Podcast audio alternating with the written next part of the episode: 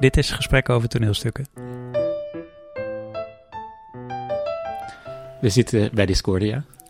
In de werkruimte, de atelierruimte van Maatschappij Discordia.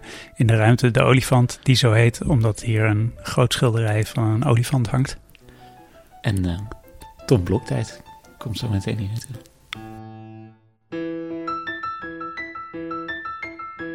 Tom Blokdijk, dramaturg van uh, Holland, Hollandia, kan je wel zeggen. Ja, daar heeft hij het grootste tijd bij gewerkt. In ieder geval uh, met Johan Simons. En we lezen de screens van Jean Genet. Le Paravent. Zo heet het in het Frans. Het is een Fransman. Uh, het, het, plot eventjes heel kort. Ja, hoewel dat wel ingewikkeld is. Um, het speelt zich tijdens de Algerijnse onafhankelijkheidsoorlog. In Algerije. Zou jij het stuk kunnen samenvatten? Nou, het ligt eraan hoe je naar het stuk kijkt.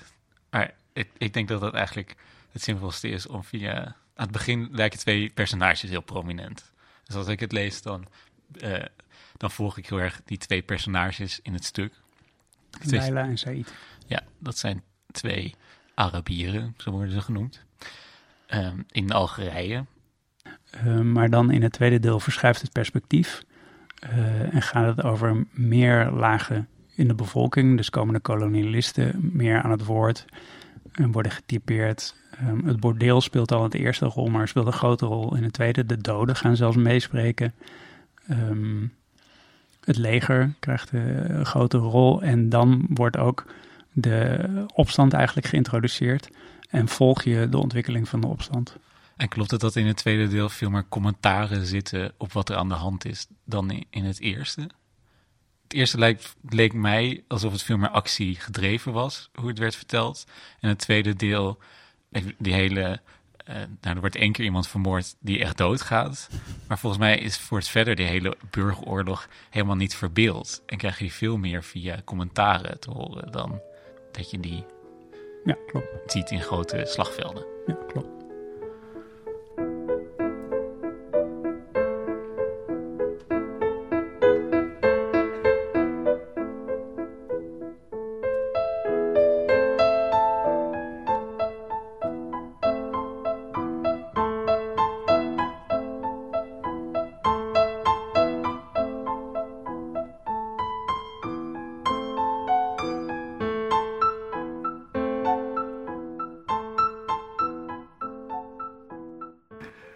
Is niet onverklaarbaar, maar gewoon, het is, je, wordt, je wordt er gek van.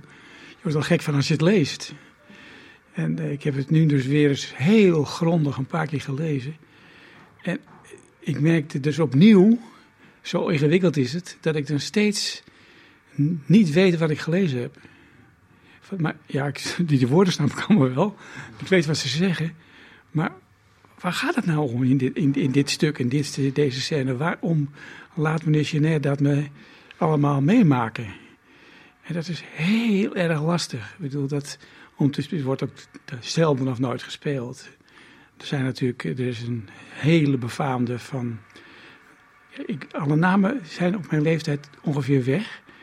Maar zo'n grote Franse regisseur, jong gestorven ook weer, een aantal jaar geleden, 20, 30 jaar geleden, heeft hij, het, uh, heeft hij die voorstelling, heeft hij het gemaakt, die voorstelling. Dat was niet de eerste keer dat hij überhaupt gespeeld wordt, maar hij heeft er een, echt een hele befaamde voorstelling van gemaakt. Hij heeft ook, man heeft ook mooie, hele mooie films gemaakt. Heb je wel eens geprobeerd om het uh, gespeeld te krijgen? Nou ja, bij Johan dus. Alleen bij Johan? Ja. Daarna nooit meer? Nou ja, kijk, ik had met Johan de afspraak op een gegeven moment.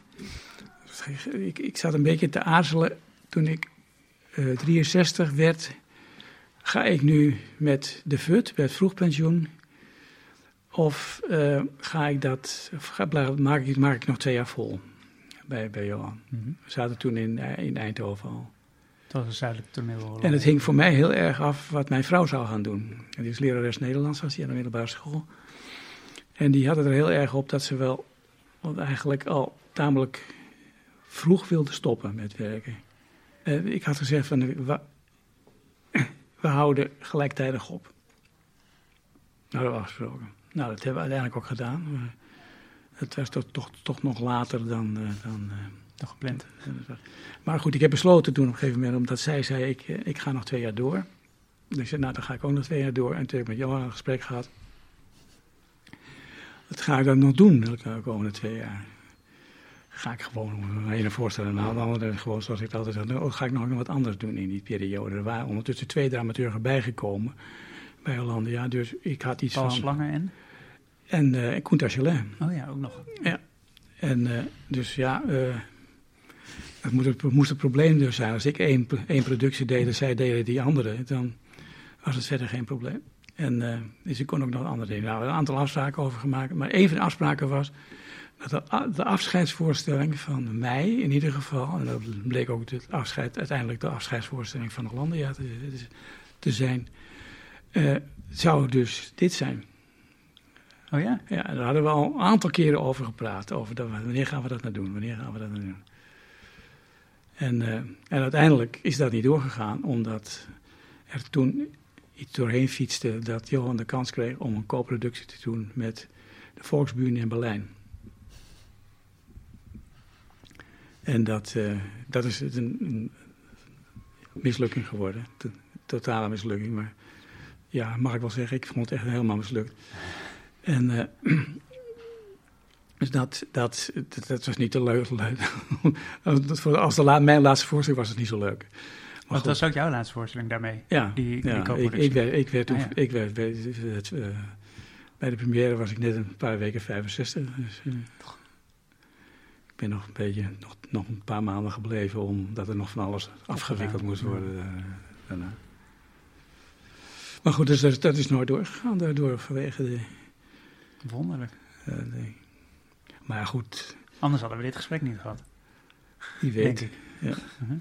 Nou, ik denk dat ik het anders gelezen had nog toen dan, dan, dan ik het nu gedaan heb. Ja. ja in die zin was het voor mij echt een, uh, ook een ontdekking weer. Stamt jouw kennismaking met het stuk ook uit de, uit de tijd van, met Johan? Van nee, ik ben op een gegeven moment ga je, ga je het natuurlijk lezen en je ziet voorstellingen daarvan, van de meiden en van onder toezicht en van, van, uh, van het balkon heb ik een paar voorstellingen van gezien en zo. En dat, dan ga je denken, wat heeft die man allemaal nog meer gedaan? En dan heb je natuurlijk wel eens wat van gehoord. En dan wil je het gewoon gaan lezen. En op een gegeven moment ben ik dat dus gaan lezen. Is dit dan onbegrijpelijker dan die andere stuk waar je net over had? Dit is veel onbegrijpelijker, ja. ja ik bedoel, daar, daar nog zit je bij, bij, bij, bij heel vaak te kijken van...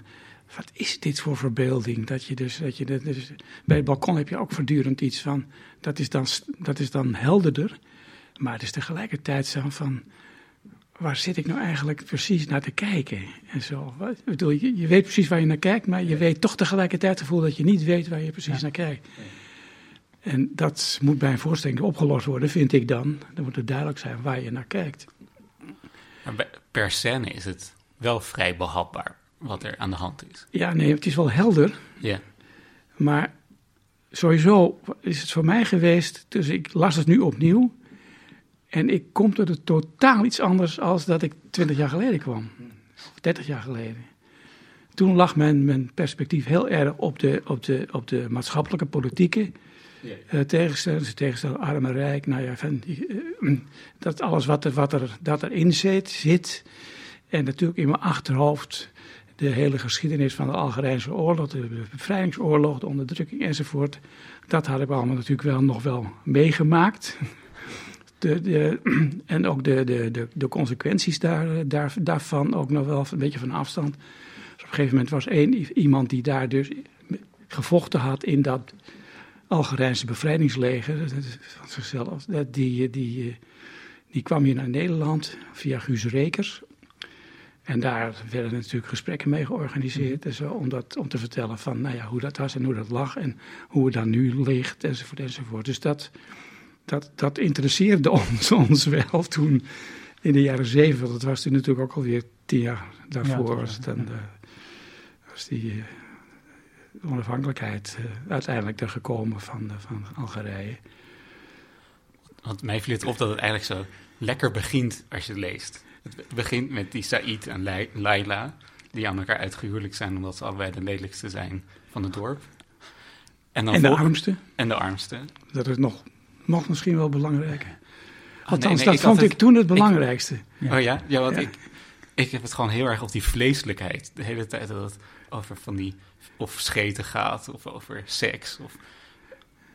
En ook, ze zijn allebei heel lelijk. Dat, dat wordt meerdere maanden door de moeder gezegd van Ja. Said. En, en, en tot halverwege volg je dat hele verhaal eigenlijk via die twee personages. En dan lijkt het, terwijl de oorlog in Algerije een soort van eh, tot een hoogtepunt komt en de, de Franse, een soort van tweede Franse invasie komt, want het is natuurlijk gekoloniseerd. Op, op een of andere manier verlies je dan hun perspectief of zo. En Said, die wordt uiteindelijk een oorlogsheld, maar Voor wie? voor wie? En, en tegelijkertijd het personage zelf lijkt, lijkt daar geen rol meer in te spelen. Die komt, Die komt er helemaal niet meer in voor tot op de laatste scène. Ja.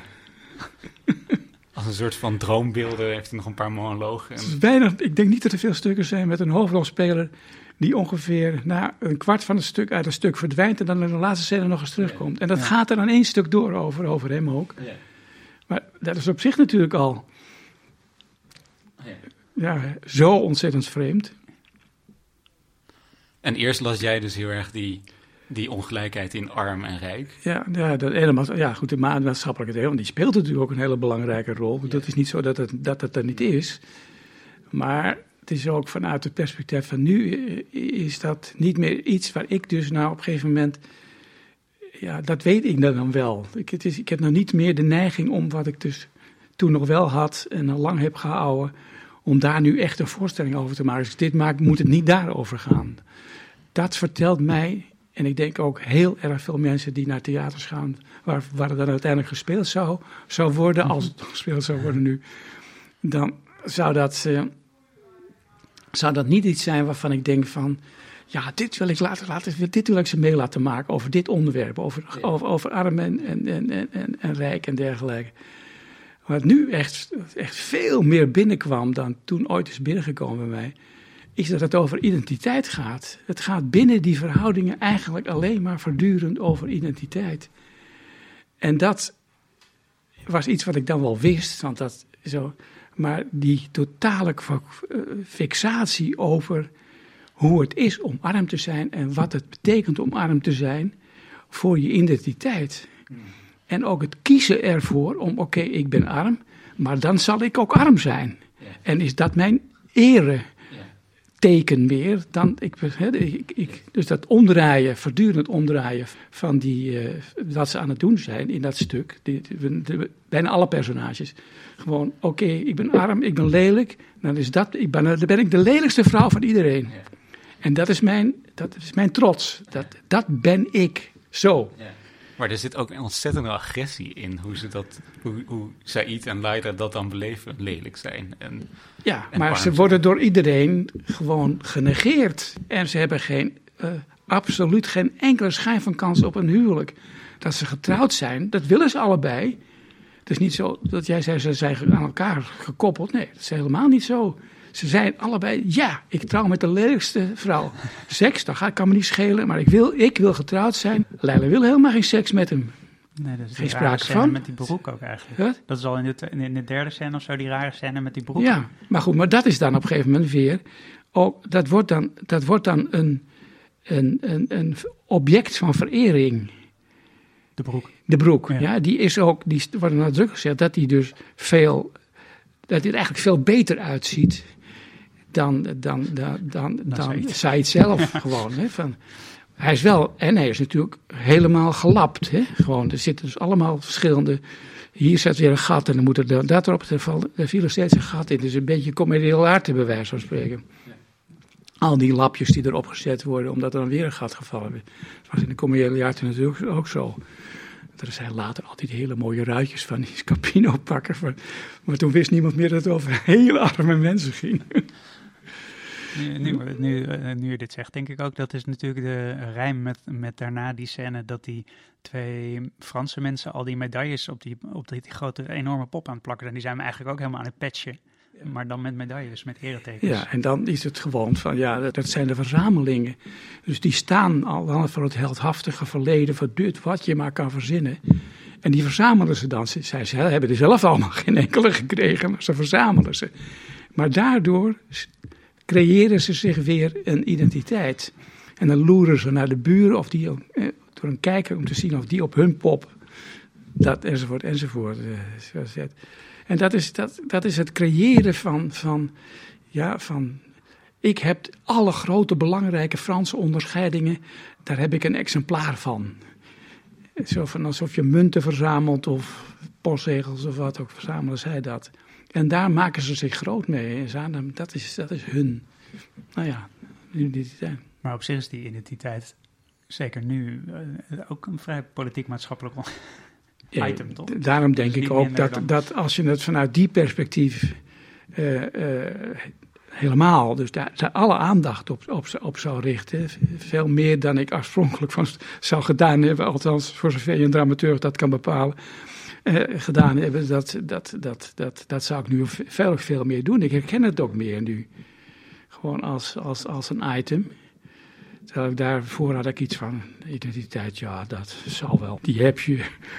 Wat doen die mensen allemaal zo moeilijk over, over hun identiteit? Nou, wat je zegt herken ik wel heel erg. En ook waarin dan dit stuk juist een soort van confronterend is. Omdat die Said en die Laila zo, zo kiezen voor hun eigen identiteit. Ja. En daar eigenlijk niet mee worstelen. Ze willen die identiteit bijna niet ontworstelen. Ze willen hem inzetten. Nee, absoluut. Daar zijn die ook helemaal niet mee bezig. Nee. Maar het enige wat er echt gewoon heel bijzonder is, is dat hij echt nergens bij wil horen. Hij wil echt nergens bij horen. Hij, hij krijgt de positie doordat hij dus door niet in te delen is in wat ook. Hij is ook loyaal aan niemand. Hmm. Ook niet aan Leila. Over Said of over Jeanette? Said. Oh, ja. nou ja, ik denk dat er veel Jeanette ja, daarom. in, zit, in, in zit. Maar die, en, die, hij, en dat maakt hem ook eh, ongrijpbaar, maar ook dat je denkt van, heeft hij nou de hele boel verraden? Denk je dan op een gegeven moment, dat dat dan op een gegeven mhm. wat, waar je nooit te zien krijgt, hè? dat wordt alleen maar gezegd. Eerst wordt het zo tussendoor een keer gezegd en dan nog een keer en dan wordt het op een gegeven moment een item. En dan wordt het dan ook heel spannend, wie doodt hem uiteindelijk dan? Maar hij, hij heeft die positie, heeft hij zich gewoon eigen gemaakt. Nergens loyaal, ik ben mezelf, ik probeer te overleven, dat is het enige wat ik doe. Want zelfs zijn poging om als dief in de gevangenis te komen mislukt. dus dat, hij wordt, hij wordt op een gegeven moment, als je dan op een gegeven moment voor de rechter moet verschijnen omdat hij gestolen heeft, wordt hij niet veroordeeld. Nou, hij is razend. Hetgene dat hij echt woedend is in het stuk, dat echt is dan, moet dan. Dat, dat zie ik voor mijn ogen dan ook echt als een explosie van woede, omdat hij niet veroordeeld wordt voor de, voor de dingen. Terwijl, verdorie, Leila lukt het wel om veroordeeld te worden. Die, die pikt het handiger in, kennelijk. Die gaat wel de gevangenis in daarom. Nou ja, dat is, dat is, zelfs dat lukt hem dus niet. Dus hij het hoort nergens bij. Dus hij is ook verraad is ook niks voor hem. Van, oh, willen jullie dan eh, de, het weggetje weten waarop de, de rebellen uh, van, van, A naar B lopen steeds? Nou, dan moet je tellen, is daar. En dan zoek het maar uit. En dan worden ze dan vermoord. Ja, dat is dan jammer. Ja. Maar goed, uiteindelijk als dan uiteindelijk dus de rebellen hebben overwonnen, zijn die het hem ook die hem afmaken. Wat natuurlijk iets zegt over het nou, de postrevolutionaire gang van zaken. Ja, daar weten wij natuurlijk eh, bij onze generatie weer minder vanaf. Maar was dat toen, werd er toen ook binnen Algerije zelf heel veel vergeldingsacties gedaan? Toch wel? Jawel, maar toen het stuk geschreven was, was dat helemaal nog niet zo. Dat, heeft, heeft, dit, heeft dat dus verzonnen. Het woord Algerije komt in het hele stuk niet voor. Hè? Dus nee. maar ze waren niet, zo, niet voor niks zo woedend toen het stuk verscheen. Nee, want er waren rellen. Maar dat was, want hij was sowieso later, want het is in 61 geschreven, geloof ja. ik. Ze waren dus nog kwaaier dan bij, eh, dan bij, de, dan bij het balkon. Ja, ook omdat, ook omdat, maar het had het ook voor een deel te maken omdat het zo'n vreemde soort van theater was.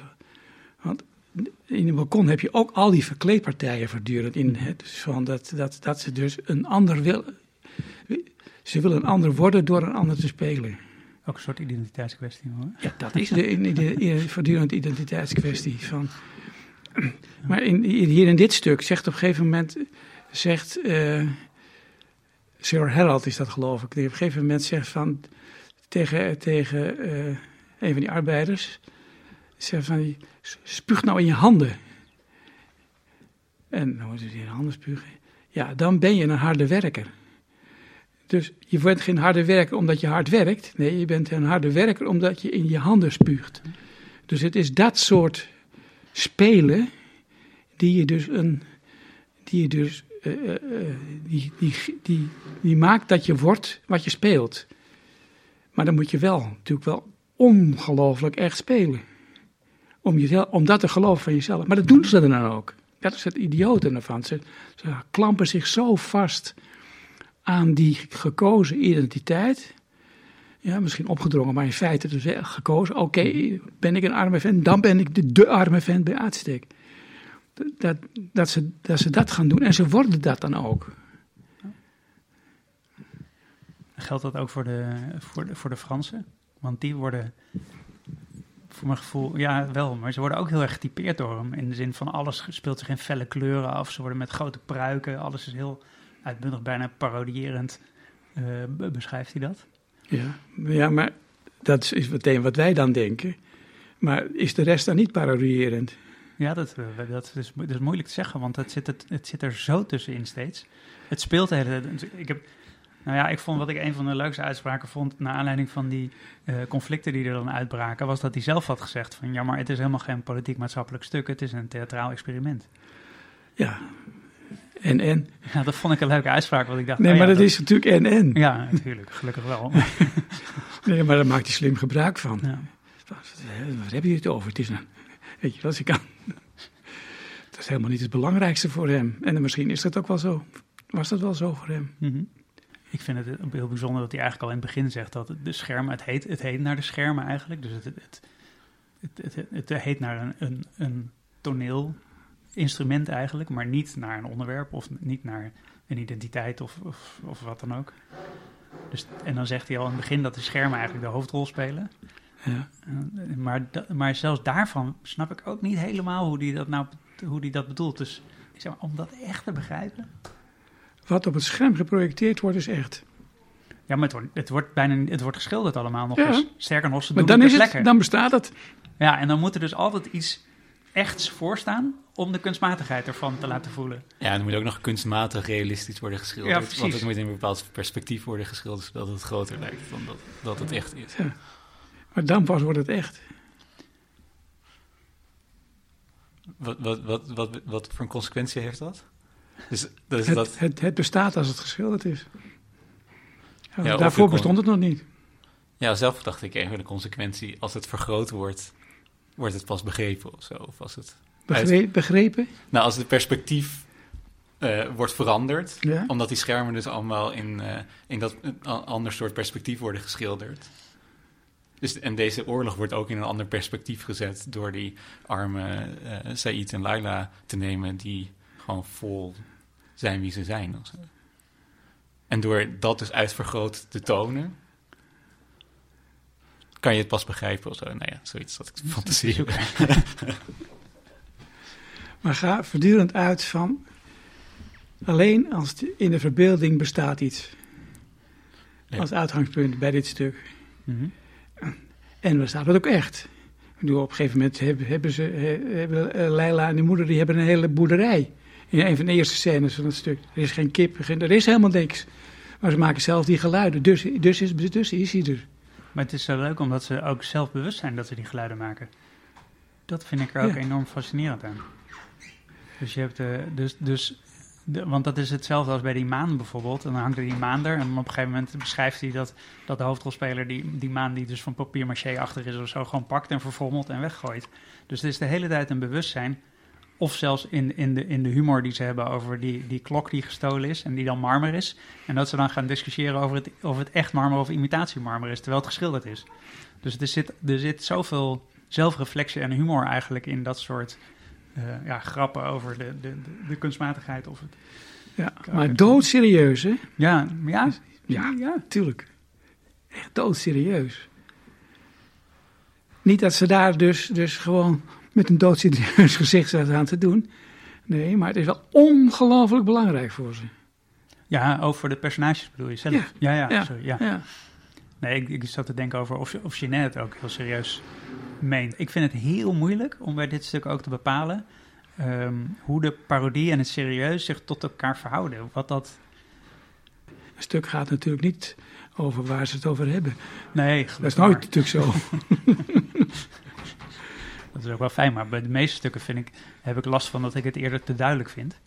En dat is bij dit. Dit vind ik heel bijzonder in dat het daarin ook... ook het, is, het zijn maar- stukken die ik ken. Dat heeft te maken gewoon met het feit dat je alleen maar, in de ogen in ieder geval van, van Genet, alleen maar kan leven door een ander te spelen, respectievelijk een ander te zijn. En dat is iets wat, wat wellicht iets, maar dat heb, ben- heb ik pas onlangs bedacht, iets te maken heeft met homoseksualiteit. Dat kwam ik tegen een boekje cadeau met eh, artikelen van Komrij. En die heeft daar op een gegeven moment een artikel over homoseksualiteit. En dat had, dat heeft hij zich nogal over wat uitgelaten natuurlijk. Waarop je op een gegeven moment zegt van ja, het, het, het je vermommen, verkleden, dat heeft te maken met... Homo's hebben zich altijd moeten verbergen. Hebben zich altijd moeten ontkennen wie ze zijn, wie ze zijn. Dus ze zijn dus eigenlijk niemand. Dus, maar door dan iets anders te gaan worden en te zijn, werden ze iemand. En dat is, dat is inherent dus aan, in, aan, het, aan de homoseksualiteit. Nou, overdrijft Komrij dat natuurlijk van zijn kant weer, want dat is natuurlijk een manier waarop een aan- aantal bepaalde ho- homoseksuelen mee om. Hij geeft het als het, de existentiële, een essentiële duid, dus Komrij kan ook behoorlijk overdrijven. Nee, dat, dat, maar dat, dat, dat is dat verschijnsel dus van, van je willen dat, je, dat, je, dat, de, dat de schijn die je ophoudt essentiëler is, want dat je alleen daardoor bestaat, Mhm. dat zou daarmee te maken kunnen hebben als ik de gedachtenlijn van Komrij volg. Ik vroeg me af of het te maken had met eigenlijk een, koloniaal, een koloniale blik op hoe het is om, om gekolonialiseerd te zijn. Of hij het dus omdraait op die manier. Of dat het. Nou ja, ik denk dat hij zich, dat hij zich veel meer ide- identificeerde met de Algerijnen dan met de Fransen. Ja, Dus in die zin van, en dat hij ook stelselmatig probeerde te denken en te kijken vanuit hun blik. Of die Algerijnen zich daar dan weer in herkennen, dat, dat kan je je afvragen. Zeker in, in de vorm waarin, het, in- in het- waarin hij het gegoten heeft. En ik denk ook helemaal niet dat ze hem dankbaar zijn voor, de- voor, de, voor, de, voor dit stuk. nee, want dat, daar word ik nog op terug. Die, die, eh, die rellen, dat begreep ik ook, vond ik ook moeilijk om te plaatsen. Als je leest over, over wat er toen gebeurde, met dat er op, naar het toneel gegooid werd met spullen en zo. Dat is nog, nog wat erger dan met tomaten. Tijdens dit stuk? Ja, bij de, bij, de, bij de opvoering op een gegeven moment. Maar dat het voor mij onduidelijk was. de- het leek wel alsof rechts nog meer voor het stuk was dan links of zoiets. Alsof links nog kwaaier was dan rechts. Dus ik, ik begreep eigenlijk niet hoe de vermenging plaatsvond. Maar misschien heb ik het gewoon verkeerd Maar geïnterpreteerd. was het rechts of was, was het links die daar tegen protesteerde? Ja, dat niet, we- ik weet het Nee, niet. nee, hoor. nee, dat was Maar meer, meer voor de hand liggend. Kijk, er zijn natu- natuurlijk uit die, eh na die onafhankelijkheid, en al da- voor een periode daarvoor, zijn er dus iets van, ik geloof van 150.000 of 200.000 Fransen Mhm. die daar geboren en getogen waren natuurlijk ondertussen. Die zaten daar al decennia, decennia zaten ze daar al. Bedoel, Het is, het is in 1842 een Franse kolonie geworden, officieel. Toen, was het, toen hadden ze het helemaal veroverd, Ja. de Fransen uiteindelijk. Dat heeft nog een aantal jaren, ze zijn in, ik geloof in 1830 begonnen om het te veroveren. En ze hebben in 1842 was, waren ze dus, en dat, zinnetje komt in het stuk ook naar voren, aan de grens, tot aan de grenzen van de, de zuidgrens van de Sahara. Dat komt in het stuk ook Ja, naar voren. En dat was dus het, het doel van de Fransen om dat tot daaraan te veroveren. Want daar be- begon iets anders. Dus dat, eh, dat hoefde dus niet.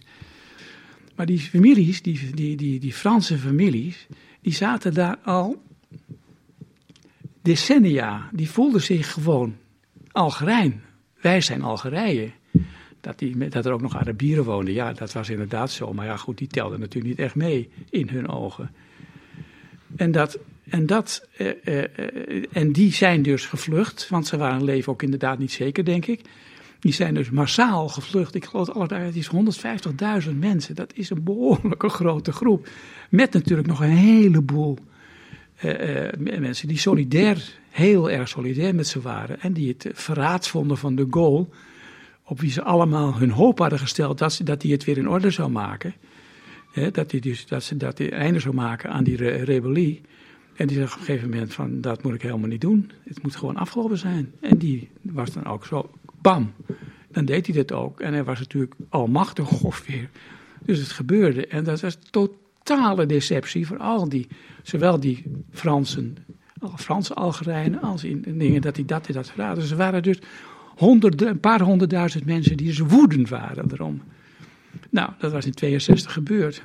En als het dan 65 of 66 is, dan is de woede nog steeds heel.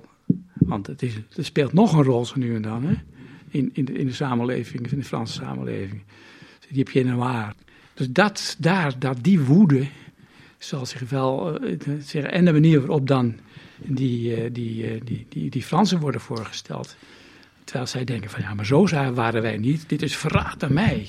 Ja, want die groep die jij net beschrijft, die komt naar mijn idee helemaal niet voor in die in Dat is de. Sir Harold, dat zijn de, de, de, de, dat zijn de, nee, maar het zijn die militairen, die zijn de Ja, ja, maar ik gendarmes. had die allemaal gelezen als die komen uit Frankrijk over op dat moment. Dat is misschien ook wel zo, Ja, maar ik bedoel dat ze, dat ze, dat, dat ja maar ze, ze worden zo gepersonaliseerd als kolonisten, dat je helemaal niet denkt, oh, die zijn helemaal niet deel van de samenleving. Die zetten zichzelf alleen maar erboven. En Ja, maar dat, dat, was ook dat, zo natuurlijk. dat, dat, dat was ook zo natuurlijk. Maar goed, er waren natuurlijk ook, er zit ook een bankier op een gegeven moment, die komt erin voor. En planters waren er natuurlijk. En want die Sir Harold merkwaardigerwijs is dat Sir Harold Ja, en Blankensee, Ja. die uit Ja. Holland komt.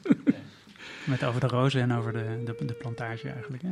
Dus die, die, die, die, Ja, de, nee, ja goed, de roos, daar houden er op naast aan. En die zijn er tegenwoordig, die zijn die in Kenia en dergelijke, Hollandse ro- rozenkwekerijen. Dus Oh ja? eh, ja, er zijn eh, waanzinnig veel eh, eh, bloemteelt, Hollandse bloem, de Hollanders in, in Kenia en dat soort landen. Die dan ook nog meer dan gemiddeld beslag leggen op het weinige beschikbare water. Om maar nog maar eens in, in de geest van onze kolonia, ja. ons neocolonialisme wat we daar aan bedrijven zijn. Maar het allemaal weer precies hetzelfde toe gaat als vroeger. Maar je krijgt wel een soort van die pijn mee van die Algerijnen, maar helemaal niet die pijn van deze mensen. Zelfs op het moment dat een van de militairen doodgaat, dan komt er een scheetscène waarop eh, het gaan allemaal Franse lucht, gaan ze naar de... Ja, dat is wel een fantastische scène ook. Ja, dat is echt een geweldige scène. Om hem een beetje de, de geur van, eh, van zijn geboortegrond eh, Ja. mee te geven. Dat moet je toch hebben? Er zitten meer van dat, dat, dat soort dingen in, in. Op een gegeven moment heeft iemand gepist tegen een... Als die, die rechtszaak, niet met de kadi... heeft iemand gepist tegen een jonge laurierboom. Nou, dat is natuurlijk het ergste wat er bestaat. En, eh, en dan wordt, kreeg de straf is dat, hij, dat de gendarme over zijn schoenen moet pissen. Oh ja. Ja. Ja, dat, zijn, dat is natuurlijk totaal absurd. Maar bloedserieus natuurlijk gedaan. Dat is een ja, ultieme vernedering die, eh, die dat... eh, Nou, ik heb toevallig beide scènes even verteld. Dit zijn de twee scènes die ik heb verteld. Nee, maar snap je, dat is Ja. dat. bedoel, wij, wij, wij moeten alleen maar lachen. Maar het moet wel zo zijn dat dat als een ultieme eh, ver- vernedering wordt ervaren. Scène 15. Het is donker. Een clubje Franse militairen wordt achterna gezeten door Arabieren. Ze hebben geen drinken en geen eten meer. De scène begint met de luitenant. Die wordt geraakt. De luitenant. Dat was het, jongens. De kogel is gekomen. Tastend ga ik naar de dood. Ik heb niet veel meer. Ons land is ver weg. Ik was de sterren van een generaal waardig, maar ik heb niet eens de strepen van een luitenant-kolonel. Water. De luitenant blijft op zijn buik liggen. Jojo zachtjes. Er is niets meer, meneer. De luitenant. Water. Roland. Hij crepeert. Nestor. We kunnen niets voor hem doen. We wachten tot hij flauw valt, sluiten dan zijn ogen en gooien hem in het ravijn. Jojo met een hele zachte stem. Laten we hem eerst wat te drinken geven. En Roger. Wat dan? Ironisch. Een kom lucht? Jojo. Als dat alles is wat we hebben, laten we dat dan doen. Zonder tegenzin natuurlijk. Hij aarzelt. Hij zal niet op Franse bodem zijn, maar toch kunnen we Nestor. een scheet laten. Dat is gemakkelijker gezegd dan gedaan. Hoe zit het met degene wiens buik niet is opgezet? Roger. Jullie hadden daar eerder aan moeten denken. Toen ik het huis verliet, vulde, ik me met lokale lucht. Als ik mijn kontgat ontspan, dan omdringt mijn land me. Jojo, heel voorzichtig. Aangezien dat alles is wat we hebben. De luitenant zal de illusie hebben dat hij op eigen bodem aan het sterven is. Hij aarzelt. Nestor, als je nog wat gas hebt, en misschien de anderen, we zouden hem een snuifje kunnen toeschieten. Nestor. Het enige dat ik nog heb is mijn eigen rantsoen. Roland. Ik heb het probleem dat elke keer als ik een vleugje van het stadhuis wil opsnuiven en hem ontspan, dan bango. Dan komt er een kanonskogel waar niemand op zit te wachten. De luitenant met stervende stem. Water. Ze kijken allemaal naar hem en draaien zich dan om. Jojo. Als hij niet in christelijke grond wordt begraven, laat het dan tenminste sterven terwijl hij wat lucht van thuis inademt. Nestor. Niets? Dat is alles wat ik nog had. Een paar bubbels die in de kronkels van mijn ingewanden borrelen. Wat heb ik daar nou over? Een platte buik, vlak. Omdat ik weet wat vrijgevigheid en grootheid betekent. Als we allemaal meedoen, kunnen we hem een officiële begrafenis geven. Er zal een geur zijn van Gascogne binnen een straal van vijf mijl. Roland. Misschien is de lucht die hij nodig heeft in hemzelf. Waarom doet hij zelf niet zijn best? Jojo. We moeten hem de menselijke eerbied geven. We kunnen dat een stervende man niet vragen. Een stilte. Roger met een gebaar van woede. Oké, ik begrijp je, Drijman. De luitenant. Water. De soldaten draaien de luitenant om en leunen hem tegen het scherm. Roger. Leg hem voorzichtig neer, met zijn rug tegen de rots. En doe je werk in stilte. De vijand is in de buurt, maar dankzij ons zal in de vijandige duisternis een christelijke dodenkamer zijn met de geur van kaarsen, kransen, een wilsbeschikking en een testament. Een dodenkamer die daar is opgezet als een volk in een schilderij. Maak je klaar, jongens. Tot de luitenant. Meneer, u zult niet ondergaan zonder kameraadschap en een beetje plaatselijke lucht. Tegen Nestor. Jij die muziek kan maken, ga daar staan. Maar zachtjes met het pedaal. De stervende man is een delicate kerel en deze plek is niet veilig. Nestor kijkt naar het publiek tegen de luitenant. Meneer, open uw oren en neusgaten. Vuur. Roger gaat naar de luitenant en hurkt boven hem. Nestor maakt scheetgeluiden.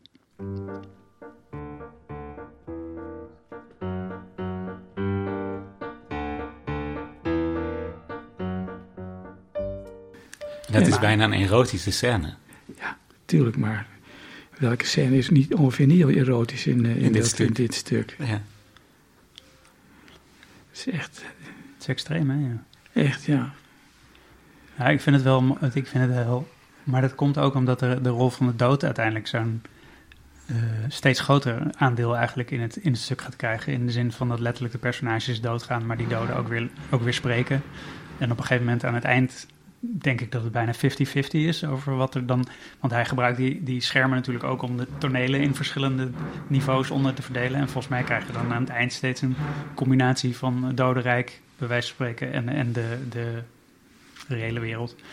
En de, en de combinatie daarvan, dan gaat het steeds meer door elkaar. Ja, en er zijn natuurlijk steeds meer doden en doden. Zijn er, er vallen, er vallen er en zo. Maar En het is wel- gaan gewoon dood. Er zit natuurlijk er zit, er zit een, een- hij doet een beetje Beckettiaanse grap ook in, in dat, dat elke keer als de mensen in dat doderij komen, ze dezelfde dialoog hebben. Dus zo van, oh is dit het nou? Ja, ja, dit is het. Oh, wat grappig. dat is eigenlijk elke Heb je keer. daar nou zo moeilijk over ja, daar is zo moeilijk over gedaan. Oh, dit was het. toch. Hm. Dat, dit- dat vind, ik, vind ik wel erg goed sowieso. Maar, maar het, is, het is wel wonderlijk ook hoe die, die doden typeert. Want die zijn er allemaal wel niet, maar waar, het is, ik vind het ook heel Nee, maar onduidelijk ook het, het, het, eh, hij laat ze ook heel langzaam ze worden doodgeschoten. En laat ze dus heel langzaam ook inderdaad het punt komen dat ze echt dood zijn. Ja, klopt. Maar ja, ze, bestaan natuurlijk net zo lang als ze herinnerd worden. Dat Ja. is de, de- Ja. die gouden regel is natuurlijk, maakt die dus gewoon letterlijk. Ja. Maar het is wel, want daardoor heeft het ook een ritualistisch karakter op een bepaalde manier. Door de, die doden en, eh en leven. Herhaaldelijk, ja. Ook gewoon die poppen waar we het al over hadden. En, en, en die mond van Sislemane. Ja. Want dat, die, die namens hem spreekt. En er wordt iemand aangewezen en die moet het dan doen. En Ja. Maar die doet het dan ook. Ja. Die wordt dan ook die dode Sislimane. Die nog niet helemaal dood is, overigens. Hè? Hoe zou je vinden dat dit in het Nederlands zou moeten klinken, dit stuk? Dit stuk, Ja? het, het moet zo zijn, maar dat vind ik altijd. Het moet zo zijn dat ik onmiddellijk begrijp wat, wat er gezegd wordt. Dat wil niet zeggen dat dan allemaal, daarmee alles duidelijk is. Dat, dat hoop je wel door die voorstelling te, bereiken, maar dat hoeft niet door de taal. Dat is een keuze. Of je, of je een taal transparant maakt, waardoor de, uh, uiteindelijk de aandacht meer op de acteurs komt te liggen dan op de taal, wat ik erg van hou. Als ik ontzettend door die, door, door die taal bij de acteurs. De, de vertalingen van Komrij hebben dat bijvoorbeeld. Die zijn zo briljant en zo vindingrijk en zo echt een feest om te lezen. Maar je wordt gek ervan als je het moet spelen. Ten meer omdat Komrij niet in staat was om echt de onderliggende lijn te vertalen. En, eh, maar goed, dat, dat, dus ik hou heel erg van, dat, dat moet niet gebeuren. Ik wil niet zeggen van dat nu dat je dat moet denken, dat is een mooi, mooie formulering. Maar als daar de aandacht toe komt te zitten, dan komt het op de brieën van Komrij of van een vertaler of, of van de auteur aan, die me weghoudt van datgene wat ik mee wil maken, van wat de acteurs doen en mij laten ervaren. En uh, hoe ze met de ene hoek van de andere hoek van de kamer laten zien, hopelijk. Dat, dus ik, ik hou van die, van die helderheid, van, van, van die, uh, mm -hmm. dus die, uh, die, vertalingen van, van, die, van Griekse tragedies die ik voor, voor, dit heb gemaakt. Die waren dan gebaseerd op vertalingen die ik dan al van Johan en Paul had, uh, Johan en Paul Koek had gemaakt van die dingen. Die, die probeer ik zo helder mogelijk te zijn, dat mensen niet denken van waar gaat dit of wat is dit. Dus die hele ingewikkelde uh, uh, vergelijkingen die met name in die koorpartijen hebt, waarin naar allerlei dingen worden verwezen waar ze toen waarschijnlijk al niet eens wat meer wat vanaf wisten, bij wijze van spreken, maar nu zeker niet. Ja, jongens, gooi het eruit, want het is een, je hebt er alleen maar last van. Van, van, van, van, van, van je moet echt met een verklarend woordenboek erbij zitten om te weten wat er nou eigenlijk gezegd wordt. Hup, eruit ermee. Probeer de kennis van wat die koren daar allemaal staan te zingen en te zeggen. Uh, te zeggen. Dus dat, dat, ja, dat doe ik dan. Ja. Gewoon, ik, ik denk van ja, dat is dan niet precies zoals Euripides of Aeschylus het dan geschreven heeft. Nee, waarom, maar waarom moet, moet dat dan allemaal precies zo gezegd worden? Dat is een soort heiligheid van de tekst waar ik nooit in geloofd heb. Dus. Maar hier uh, heeft hij zelf al, de, de taal speelt wel een, een, grote rol, zeker in de, in de leeservaring natuurlijk. Ja. Maar, uh, dat vind ik ook helemaal niet erg. In de nee, leeservaring vind ik dat ook helemaal niet erg. Maar in, het, in de opvoering, het is minstens een grote rol voor die schermen in eerste instantie natuurlijk al, die echt, ja. echt uh, heel uitvoerig beschreven worden. En nee, maar dit is een theatervoorstelling. Dit is, voelt, dat voelt wel echt zo, hè? Want er zitten veel teksten in ook. Hè? Ik bedoel, een van de dingen die ik zou doen nu, is ook gewoon behoorlijk uitdunnen. Niet alleen omdat het zo gigantisch lang is, maar mm. ook gewoon echt behoorlijk uitdunnen. Omdat dingen zich, wat mij betreft, te redundant zijn. En wij zijn wat dat, dat betreft. dat de redenatie te veel wordt verteld? Bedoel je? Nou ja, ik bedoel, de dingen worden steeds in andere woorden opnieuw gezegd. Ja. Binnen dingen. En, ja. en het, het. Je moet natuurlijk niet vergeten dat wij ongelooflijk veel drama zien. 20, 30, 100 keer. Iedereen, iedereen tegenwoordig 100 keer meer drama zien. dan wie ook 50 jaar geleden. Ieder kind, ieder, ieder kleuter ziet per dag misschien wel, wel, wel een uur, twee uur, drie uur drama. Het is toch niet te geloven, hè, wat we voor elkaar gekregen hebben. een totaal verdramatisering van, van het leven van mensen. En vinden dat ook leuk. Ik vind het ook leuk, maar goed, ik, ik, doe erin. Maar het is natuurlijk ook voor de, toeschouwers, die hebben, zijn zo getraind mm-hmm. In kijken en luisteren en, en oppikken en kijken, dat, wat, dat dat vroeger lang niet was. Dat, dat, maar ook naar dit soort structuren? Want dit heeft toch een beetje, ja, het is een beetje een, een, een stationendrama. En je gaat in 17 scènes langs allemaal verschillende plekken eigenlijk. Nee, maar binnen de scènes heb je ook op meer weer alweer simultaan, simultaan ja. scènes. Op, ik bedoel, die verschillende en podia en, en die schermen. Maar ik bedoel, het is. Het, het, het, maar goed, dat, daar hebben wij dus opgevoed in het Nederlandse theater ook geen last van. Wij zijn er bekend van, om, van we draaien ons om, we zitten in een ander land. Wij van spreken, dat, dat... En daar schuurde dit nog allemaal tegenaan in, uh, ja, dat, in dat, dat, 60. Kijk, dat simultaan toneel kennen we natuurlijk sinds de middeleeuwen. Dat is niet het, probleem, niet het probleem. Maar gewoon de, de, de, de, het feit dat we dat dan ook niet meer hoeven te verbeelden, dat hebben we natuurlijk, hebben we sinds het realisme hebben we dat afgeleerd. En, uh, en daarvoor hadden we gewoon van, oké, die, die die heen en weer kwamen rijden en zo, dat was één, Bob, dat is dat, klaar. En dat wist iedereen ook, want die, die, die stonden daar in dit theater en die veranderden ook nooit. Dat is natuurlijk jarenlang zo geweest, dat er helemaal geen verandering was. En toen kwam opeens de realisme. Krijgen we nou toch in godsnaam? Nou, Al die huiskamers. Nee, goed, maar dat hebben we natuurlijk weer behoorlijk af moeten breken. En Ja. dat is in Nederland heeft daar natuurlijk het voortouw toe voor genomen. Onder andere door die meneer die eh, hier nu niet is misschien, maar die heeft dat natuurlijk gewoon veroorzaakt in Nederland. Gewoon. Ik vind het ontzettend grappig dat in dit stuk staat er dan dat die militairen zijn s'nachts aan het rondsluiven. En dan staat er dat het licht aanstaat, maar dat ze doen alsof het donker is. Ja. Waar kennen we dat van? Hij heeft het gestolen, nou weten we het.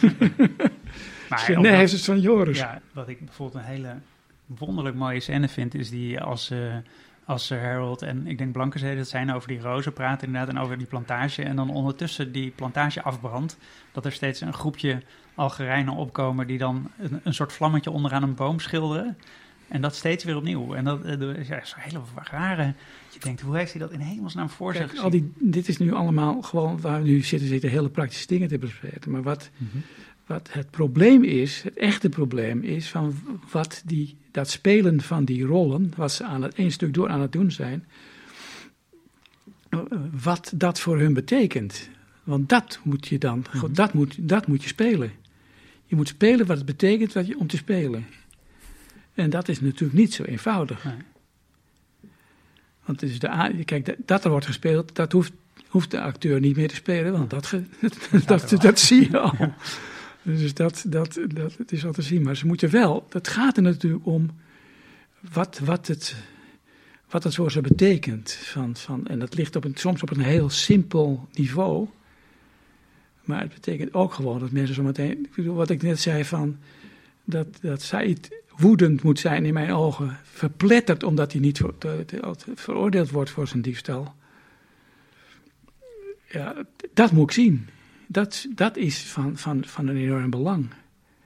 Maar als je je, je, je ehm, uitleg van de identiteit en het spelen van, van, van de rollen, als je dat doorvoert naar het einde, kom je er dan ook achter waarom, zeg maar, wat er in die laatste twee scènes bijvoorbeeld gebeurt? Dus waarom Said en Laila zo eh, mythische proporties krijgen eigenlijk voor die rebellen, terwijl ze tegelijkertijd ook de verraders zijn en dat weten en daar ook voor gestraft worden. Maar Eigenlijk snap ik toch nog steeds niet wat daar dan Nee, maar als het, het- je krijgt in die laatste scène, dus waarin hij, waarin hij dan uiteindelijk doodgeschoten wordt, krijg je, kijk, en ook de scène daarvoor, heb je, krijg je, dus wat krijg je dan op het toneel te zien? Er zijn dus die, al die vermengden, dat zijn al die mensen die dus gevochten hebben en die dus een arm en een been enzovoort enzovoort. Mhm. Dat zijn de, de wrakstukken van de oorlog. Dus die, dat zijn die mensen die dus alleen nog maar. Er is nog geen eh WHO hè, of zo voor ze. Dus, dus die moeten maar zien te overleven in, in, die oorlog. Ja, dat is dat, en dat is het ene, ene deel van, van het andere deel. Is dus, dat zijn de hoeren. Ja, en wat is er met die hoeren aan de hand? Die kunnen niet meer de hoer zijn zoals Warda die wilde wezen. Want je hebt in het begin natuurlijk de De ja, maar ook gewoon het totale verschil dat het tussen dat Warda maakt als, als, als, als de oudere, de opperhoer, zou ik maar zo inderdaad zeggen. En wat de jongere, eh Madika heet ze geloof ik, ja, even die, die, die naam, dat is een ramp, die, die daar komt en die dus twintig jaar jonger is. En die eigenlijk, en er wordt dan ook nog verteld van ja, de hoeren in Duitsland en in Frankrijk, als je derde dingen binnenkomt, je bloedt een beetje, je ziet er een beetje uit, dan vallen die kleren van die, van die, van die, van die meiden, die vallen gewoon van hun lijf af, die vliegen uit. En ze zijn naakt. En dat is dus, ze zeggen van, en Warda die gruwt daarvan. Want voor haar is het dus het feit dat ze dus afgepeld wordt en dat die rokken worden opgetild, die helemaal met de eh, Dat is een ritueel. Op het moment dat dan dus inderdaad het geslacht wordt ontbloot en dat je daar dus gewoon iets mee kan doen, dan is er zoveel achter, zodat het een enorme betekenis krijgt. Dat is het spel van haar. En wat is er met haar op dat moment aan de hand? Ze heeft het kapot gescheurd. En ze zegt van, ik ben nu Warda geworden. Ja, dat is het ergste wat er kan overkomen.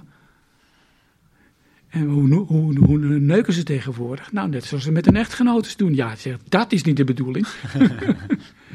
nou, die, die, daar krijg je dus, en dat zie je dus, dat in het laatste stuk, het is, zie je dus die, die mensen die dus helemaal kapot zijn, van, van, omdat ze verminkt enzovoort enzovoort zijn. Je ziet dus die, die, die, die hoeren die dus, nou ja, aan één stuk door. Het is lopende Landberg bij. Het, is, het, is, het, stelt, het stelt niks meer voor, gewoon. Ze komen, ze komen terug uit van het front. Ze gaan, ze gaan erin en ze gaan eruit, letterlijk en figuurlijk. Nou, dat, dat, is, dat is ook niks meer. Eh, eh, iedereen, ze, alle kleren zijn aan flarden en aan lappen. Niemand heeft nog meer kleren aan die iets voorstellen. Dus ook Ook de rol is verdwenen. Ja. Dus je krijgt een beeld dus door die kleren en dat je te zien krijgt van de totale ontdaning van iedere identiteit. Er blijft niks van ze over. En die Warda zegt dus van ja, nu ben ik Warda geworden. Ja, wat, wie is Warda? Nou, dat is het beeld wat je ziet. Waar, waar je komt. En dan komt dingen terecht. En iedereen praat alleen nog maar over side, Ja. komt, side, komt, side, komt, side, komt, side. En dan komt hij. En wat er dan gebeurt is dat degene die dus daar horen tot, die, tot de, de inwoners van het dorp onder leiding van die Oemoe, Mhm. weet je, Ja. die dames Ja. dat die dus op een gegeven moment, die, die, die ook gewoon uiteindelijk nergens bij horen, behalve bij het dorp zelf. Want dat is natuurlijk in het begin ook heel erg neergezet met die klaagvrouwen. Van Mhm. jij hoort niet bij het dorp, want je bent van een ander dorp. En, dus, dus je mag niet klagen enzovoort, enzovoort. Dus die vormen de ruggengraat eigenlijk van de samenleving. En die willen helemaal niet dat hij doodgaat. En dan zegt Oemoe tegen van... Je moet, ja, nu kun je weggaan. En dan wordt hij toch doodgeschoten. Mhm. Want die, wat er verder komt, dus het, er zijn er zo, want ze, ze, ze gaan met tromgeloof en gefluit gaan ze naar het front in de bergen. En ze komen s'avonds weer terug. Ja. Dat is het enige wat er nog over is van, van, van, van leven. Maar je hebt dus die hele, die scène, ja, dan moet je dus zien dat ze dus helemaal ontindividualiseerd zijn, iedereen, zo ongeveer. Doordat die kleren vers- vers- vers- vers- verscheurd zijn. Omdat de- dat dus was, is wat ze betekenis geeft. Ik ben een klaagvrouw en ik hoor bij het dorp. Jij bent misschien wel een hele goede klaagvrouw, zegt wat tegen de moeder van, van, van, van Leider gezegd. Ja. Maar je bent niet van hier. En Cies Slamaan, die is de, de, de crimineel die dus dan gedood is, die zegt, ja, natuurlijk eh, mocht jij niet meeklagen. Want mijn lijk lag er nog en dat hoorde tot het dorp. En jij hoorde niet bij het dorp, dus je moet niet meeklagen, dat is toch duidelijk. Ja, nou, En dan heb je nog een beetje dat mysterieuze de Leila die nooit bij die doden aankomt. Die wel dood gegaan is, maar waarvan niemand precies weet waar ze dan nog is. Zo. Die, ja. die, die komt maar niet. Die komt er maar niet. Zo, Ja. zo, ook zo wonderlijk. Dat vind ik al dus. helemaal En daar, en, en, maar goed, maar dit soort dingen, waar hè, van, wat, is hun, wat is hun status op dat moment? Daar gaan die scènes over. Ja. Niet over dat ze dit zeggen of dat zeggen, zo zeggen, zo zeggen. Ik bedoel, je hebt dat natuurlijk, dat is voedsel voor het spel. Wat tekst natuurlijk altijd is, maar, maar dan niet in de betekenis van dat ze dus even uitleggen wat er in de hoofden afspeelt Ja. van, die, van die mensen. Nog laat staan wat dat ze gaan uitleggen wat er verder nog bij de jacht speelt. ja, er zijn acteurs, eh, auteurs die dat ook nog doen. Maar, Ja, zeker. In de eerste lezing denk je, dit gaat over de Algerijnse oorlog en wat die eh, dekolonisatie met die bevolking doet. Maar als je dit zo uit, uitlegt, dan klinkt het bijna meer als een, als een veel culturelere kritiek die misschien in de jaren zestig geplaatst kon worden, maar misschien ook nog wel nog steeds aan de hand is. Ja, ja. Kijk, je moet, wel, je moet natuurlijk wel het een en ander doen als je dit, dit gaat spelen. Want kijk, die Algerijnse oorlog, die, dan ook, die zelfs in het stuk geen Algerijnse oorlog zet, dat, is, dat, dat was natuurlijk in het Frankrijk van, van, van dat moment behoorlijk urgent. En hij deed er totaal iets anders mee. Dus het feit dat hij dus die hele politieke eh, eh, kwesties die er allemaal spelen rondom die oorlog, dat hij die inderdaad niet noemt. In die zin is het inderdaad geen politieke voorstelling, wij spreken. Dat is al een, al, al, al een misdrijf. Maar dat is ook. Maar het, dat betekent pas wat in die omstandigheden van toen. En Goed, nou is dat bijna, bij elk stuk is dat natuurlijk zo. Als je daar concreet gaat, aan na gaat gaan, wat ik in mijn leven graag en veel gedaan heb, van wat er nou eigenlijk speelde op het moment dat een stuk wordt gespeeld. Werd gespeeld, werd, werd geschreven en opgevoerd. Wat speelde er toen in die samenleving? Ja, daar weten wij nou ook niks meer van. En als we het weten, is het, uh, wat weten wij nou van, van, van, van vrouw, nu, nu nog van vrouwen die dus die geen handtekening mogen zetten. ja, dat hebben we nog wel horen vertellen van je oma of zo, weet je, dat dat inderdaad... Ik heb nog meegemaakt dat dat, dat, dat, dat, dat is, dat het is afgeschaft. Maar ja, dat is alleen enige tijd geleden. Voor jonge mensen betekent dat niks meer. Nee. Dus Er is dat, ja, een anekdote. Maar dat was toen, toen soms behoorlijk pijnlijke en verschrikkelijke werkelijkheid. Nou, zo zijn ontzettend veel van, van in elk stuk van waar, het, waar, gaat, waar ging het toen over en nu. Je moet het maar ik, ik ben bij het lezen heel erg van je hebt last van die concrete koloniale oorlog. Want daar trekt het heel erg, daarmee krijgt het een soort historische connotatie die, die, die, niet kwijt kan. Dat is niet zo dat je die, want dat is, dat is, ja, dat is de ruggengraat van het, van, het, van, het, van, het verhaal natuurlijk op zich, dus die kan, die kan niet zonder. Maar je moet hem ook gewoon afzwakken. Omdat dan, dan ga je, en dat, want er wordt heel erg en toen en toen en toen en toen. Mm. Ja. En daar heb je niks aan. Althans, ik vind dat je daar niks aan hebt. Dus ik, Nee. zou, ik zou altijd heel erg zitten proberen van... zijn er nou in dat spelen van die rollen, zoals die daar gespeeld worden... kan je dan een soort van werkelijkheid daar tegenover zetten in je ansenering... waardoor iedereen denkt van... ja, dit is precies het gedrag, dit, speelt in Frankrijk... eh, speelt maar dit is precies het gedrag wat in dat soort kringen, dat soort, dat soort mensen, dat soort maatschappelijke groeperingen nu ook aan de hand is. Ja, ja, grappig hoe je dat je terug vertelde over, eh, over die hoer. Dus, dus die, die, de ontmanteling van de hoer, zeg maar, inderdaad, van naar de hoer gaan. Ik, ik heb dit verhaal echt nog nooit gehoord over, over dat die kijk naar... Je, je beschrijft het namelijk als een ritueel, Ja, naar de hoer. en zo beschouwt ze het ook. Ja. Zo, zo wordt het in het stuk ook beschreven. Ja. Ja, En daarna is er gewoon vlees en gaat het over de seksuele daad. Ja maar die, dat is het minst interessante deel van, het, van, van, van naar de hoeren gaan. Voor Warda, hè? Ja, ja. Want voor Ja, ligt het er anders. maar En dan komt er later komt er nog, die, nog dat hoertje uit Mainz, herinner je dat nog? Die, is, die is er maar heel kort. Oh, ik heb met alle, alle soorten soldaten heb ik het al gedaan, hier zal het wel precies hetzelfde zijn. En dan denk je van, ja, dat is er zo eentje van erin en eruit. En we doen precies alles wat, wat, wat, wat, wat, eh, wat niet mag van, van Warda. Maar, maar daarmee, zeg maar, als, als dat bijna de conclusie van het stuk is, klinkt het voor mij ook bijna dat het stuk een, eh, een kritiek is op juist dat heel erg gefocust op dat, op dat individualisme. Of zeg maar, daarvoor Warda behoorde tot een groep of door, met een beroepseer die zij had. Die Ja. weg is gegaan. Dan zou het reactionair zijn. In Nou, ze was, ze, ze was natuurlijk ook al geen, geen eh, gemiddelde in het, in het begin van het stuk. Ja, Want die, die jongere, eh, die Malika, ik heette ze Malika? Ik geloof ja, het wel, ja, hè? ja.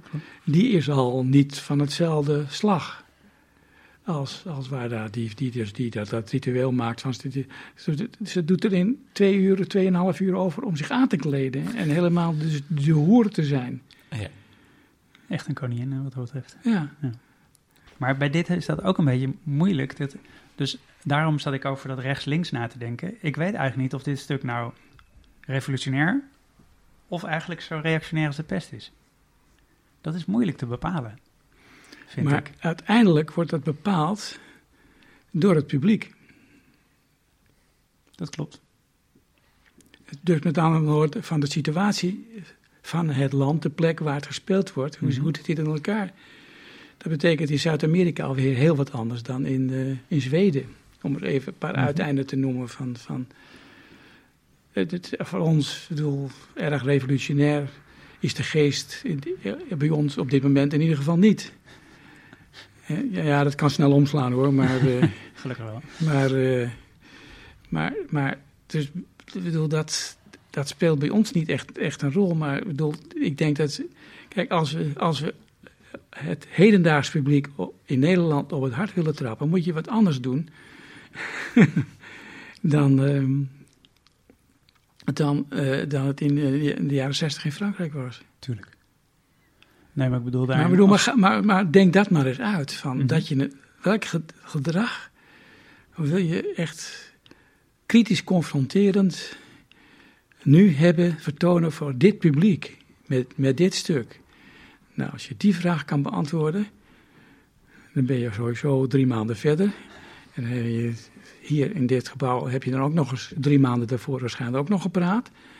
En dan heb je misschien in de gaten wat het is. Ja. Maar Maar waar, waar zitten de haakjes daarvoor? Daar ben ik naar op zoek.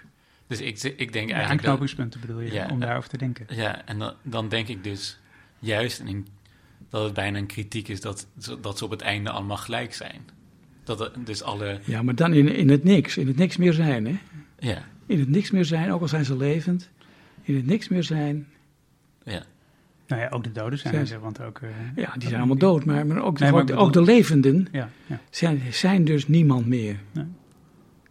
Sommigen iets meer dan Daarom anderen. loopt het Hoe mooi is door er elkaar. nog? Ze zijn eigenlijk hetzelfde geworden. De doden- De doden, en daarom loopt het aan het eind natuurlijk ook meer door elkaar. Omdat ze in feite hetzelfde, dezelfde Ja. status hebben gekregen. De, de levenden zijn gewoon dode levenden en andersom. Maar waarom zijn ze niks meer geworden? Ja, Dat, dat ligt wel nog een beetje... Omdat ze niet meer in staat zijn om een ander te spelen. Iemand te, te spelen. maar waarom niet? Omdat het oorlog is? Of omdat het eh, Door de oorlog. Ze zijn, ze- ze- de Nee. oorlog, in de, in, door de onderlinge verhoudingen die, eh, die, die fysiek zijn. Maar ook omdat gewoon de energie kennel- kennelijk verdwenen is om dat te zijn. Maar misschien ook wel omdat ze eigenlijk het erotische spel niet goed spelen. Want ze, ze leggen gewoon alle viezigheid en alle vleeselijkheid gewoon op tafel. In deze stijl van Jean Genet. Het is zo patsboom in je gezicht. In woorden, hè? In woorden. Ja, ja. Ze leggen verder. Zit er één naaktscène in? nee. Nee. Nou ja, dat rufte gaan ze wel doen op het gezicht van degene. Van degene. Ja, ze daar staat trouwens dan wel Ja. expliciet bij dat een acteur... dat je kan zien dat een acteur het geluid maakt. Dat is wel een leuke, een leuke ver- verwarring die er bij, bij, bij veel beschrijving bij hem optreden. Dat je dus niet weet of die acteur dat doet omdat je natuurlijk niet in werkelijkheid kan, eh, kan scheten op dat moment waarschijnlijk op het toneel. Of dat het de bedoeling is dat je ziet dat hij dat doet, omdat ze het ook niet... Snap je, in welke realiteit zich dat afspeelt? Net als die, die, die dierengeluiden die, die, die eh, Leila en, eh, en de moeder maken. Dat je niet weet of het de bedoeling is dat je werkelijk denkt dat daar dieren zijn. Of dat, in welke realiteit zich dat afspeelt, weet je eigenlijk niet. Nee, maar ze, Zeker willen, ze, ze, ze willen, ze maken het in ieder geval zichzelf wijs. Kan je Ja, dat dat, kan. Dat Ja, kan. ja. Misschien Dat- is dat het alleen maar. Ja, dat is waar. Maar, maar Geneviève vult dat niet allemaal in. Nee, nee, dat bedoel, is dat, maar goed, hij vult een heleboel niet in, gelukkig, kun je ook zeggen. Ja. Dan heb je tenminste als acteur ook nog wat te doen. Waarom ik het wilde, was omdat, A, omdat het nooit gespeeld was. B, omdat het dus een, een, een, een theatraal opzicht iets unieks is. Want ik ken niet, niet, geen ander stuk wat zo theatraal in elkaar zit. En theatraal bedoel je? In Nou ja, ik bedoel, dit stuk bestaat uit theater. Ja. En die tekst is, is hulpmiddel voor dat theater. Voornamelijk. ja, nee, klopt. Als je dit speelt, ik bedoel, dit, dit, dit, dit is één groot schouwspel. Als je dat, en dat doet. En dat moet een inhoudelijke betekenis krijgen door jou heel hard werken. Van, van, van dat je laat zien wat er eigenlijk aan de hand is. Nou, dat proces wil ik wel laten zien. Dat is het. Het is niet zo omdat dat nu zo'n ontzettende actualiteit is. Mhm. Maar het is iets wat je anders niet meemaakt. Eh, eh, niet alles hoeft, laten we zeggen, politiek-maatschappelijk in die zin relevant te zijn. Ik bedoel, tenminste, ik heb dat nooit zo, Nee, nee. niet, niet Nee. zo als opgevat. Ik bedoel, dat mag, daar ben ik allemaal voor hoor, dat dat gebeurt. Maar, maar, maar eh, dat is niet het enige wat bestaat eh, als, als zinvolle dingen. Dus hier, als je hier iets mee kan doen, waarin je dus prototypen op een netvlies van toeschouwers brandt, kerft, waardoor ze op gebied van, van, van, van klassenverhoudingen en over kolonialisme enzo- enzovoort, iets in hun, op hun, dat ze nooit meer vergeten. Als je dat voor elkaar krijgt, dat het een eikpunt wordt in het hoofd van mensen als ze daarover nadenken, dan ben ik helemaal dik tevreden. Maar dan mag het ook over huwelijken gaan. Als het zodanig is van, je hebt er iets over te vertellen, wat zo belangrijk is en dat zo waar is en dat zo goed is en dat zo relevant is in de veel algemenere zin van het huwelijk, wat natuurlijk ook een maatschappelijk verschijnsel is, dan, dan, dan is dat, dat is voor mij relevant in, in, in, in, niet in die specifieke politieke over ma maatschappijstructuur relevante zin, wat het vaak is. Want als het over maatschappelijk relevant is, het gaat, dan denkt iedereen dat meteen het over de structuur tussen communisme en andere ismes gaat. nou, dat was er toen al niet zo. Nee. Het woord relevant is echt niet uitgevonden om te hebben over de, over de, de, de, de opbouw van de structuren, de maatschappelijke structuren die ons gewoon maken om de maatschappij te laten functioneren op het niveau en op de wijze zoals we dat nu doen. En bovendien, het kapitalisme is altijd sterker dan welke structuur dan ook. En, uh, dus dat, dat, daar ging het mij om. In, in, om te zeggen, van als je dat voor, voor elkaar krijgt, om daar iets zinnigs mee te doen, dan. dan uh, Was die tijd dan misschien niet geschikter dan nu op dit moment te doen? Ik denk als je dit stuk nu zou spelen, dan zou iedereen het hebben over. Oh ja, wat hebben de, de witte mannen toch allemaal aangericht in de, de kolonies? Ja, dat zou een argument zijn om het niet te doen, ja. ja. Omdat het onmiddellijk gekaatst wordt. Want dat hoeven we niet meer te vertellen. Diversiteitsdiscussie bedoel je? Ja. ja. ja. Dat hoeven we niet meer te vertellen, hoop ik. Heb jij een verklaring waarom, dat, waarom het toch eigenlijk altijd maar die, die Grieken en die Shakespeare en dan hoogstens maar Tsjechov en Ibsen misschien... Omdat acteurs, omdat kunstenaars naar elkaar kijken in plaats van naar de werkelijkheid. Zo, dat is een rechtstreeks antwoord. Je keek er ook bij. Zo van, ga ik even een punt Ik heb het al zo vaak gezegd, jongen. Nee, nee, maar dat snap ik ook wel. Als je uh, lof krijgt van een collega, ja, dan is dat, kan dat echt goede, goede, goede zeggen van dit heb je fantastisch goed gedaan. Dat is vele malen belangrijker als iemand vanuit het publiek gewoon dat zij zegt dat hij het fantastisch vindt voor jouzelf. En het voorbeeld was van, van het iemand die zei van, uh, dat het, uh, het kunst, het vervaardigen van kunst was het, was het bouwen van muurtjes was. Het enige waar je, over, waar, waar je op prijs op stelt, is dat een andere metselaar zegt van, mooi muurtje. Dat vond ik zo'n prachtig voorbeeld. Ja, maar over het algemeen zijn het niet de toneelspelers die het repertoire kiezen op dit moment, op dit moment zeker niet, helaas.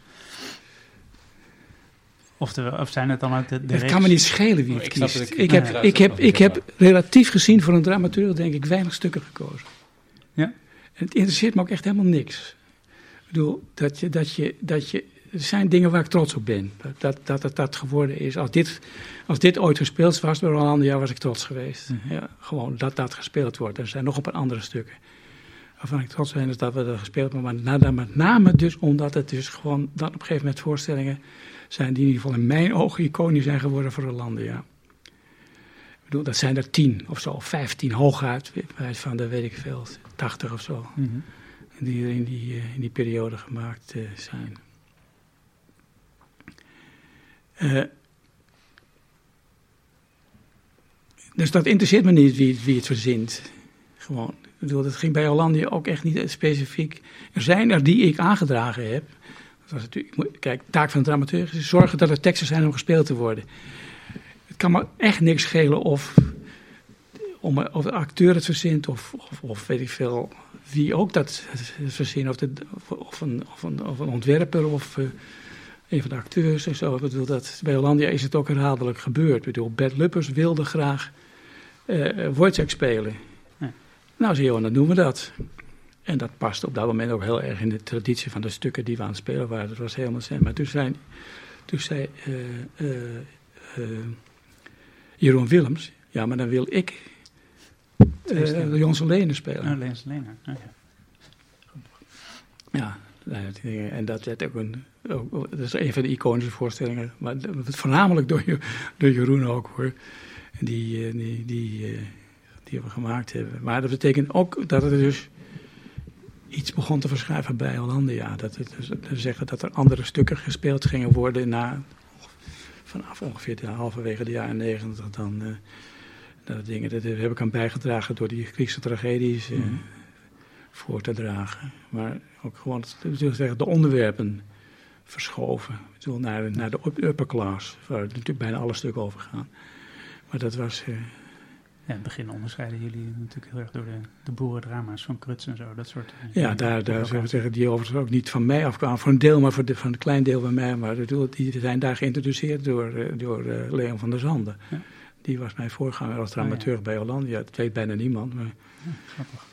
God hebben zijn ziel. Mhm. Wat voor stukken waren dat? Gewoon Nou, dus het, werd- het werden boerenstukken geschreven. Het waren al lang niet allemaal boerenstukken, Ja. maar die speelden meestal op het platteland. En zijn, waren bijna allemaal Zuid-Duitse stukken. Merkwaardig geweest.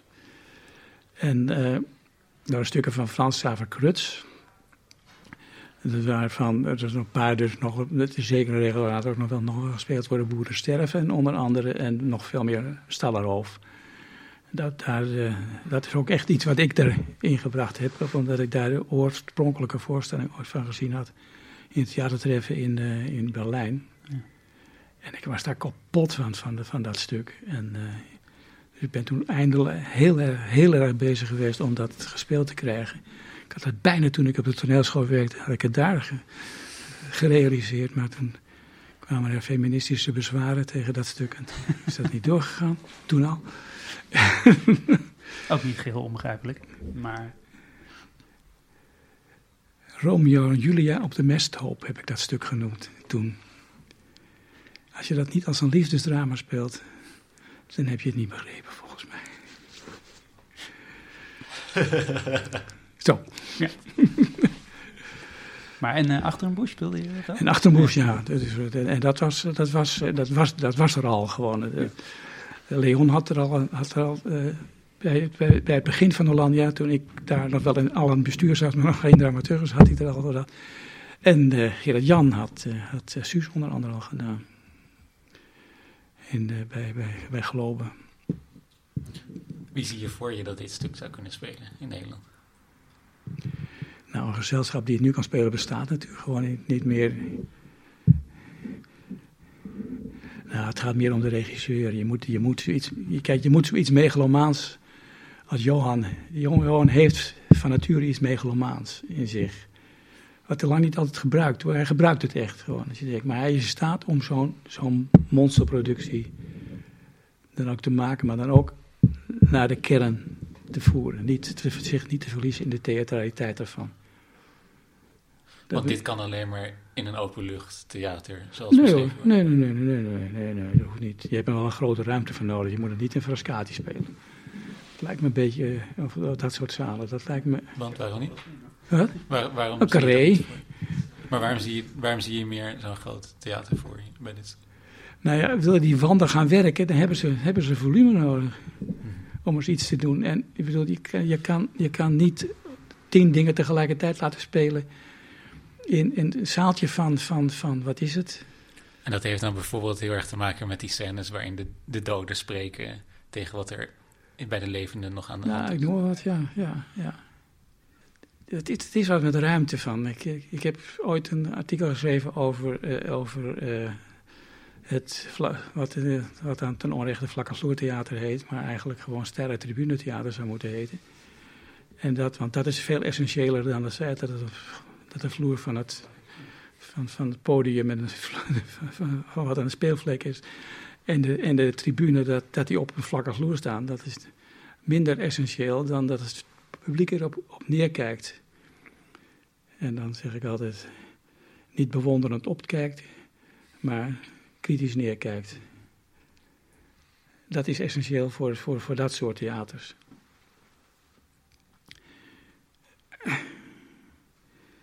Nou ja, dat, dat maakt het gewoon van groot belang van. Nee, ik wil het anders zeggen. Als je in de grote zaal van, de, van, in de grote zaal van een groot theater. Wie is bang Virginia Woolf speelt. Of je speelt hem in gewoon een Frascati. Dan wordt het een ander stuk. Inhoudelijk een ander stuk. Het feit dat het in zo'n grote ruimte staat. Wat, wat doet dat met het stuk? Doodt het de intimiteit? Of dwingt het tot intensivering? Of wordt het zoiets van dat het een veel wijdere strekking krijgt? Ik zeg het nu natuurlijk in vergelijkingen, maar gewoon het feit dat het in zo'n grote ruimte staat, maakt het anders gewoon. Maar nog steeds, Is er een regisseur op dit moment die, die dit zou doen? Ja, ja mijn antwoord was Johan. Gerrit Jan zou het ook kunnen, denk ik. Je ziet bijna nooit meer van dit soort grote stukken.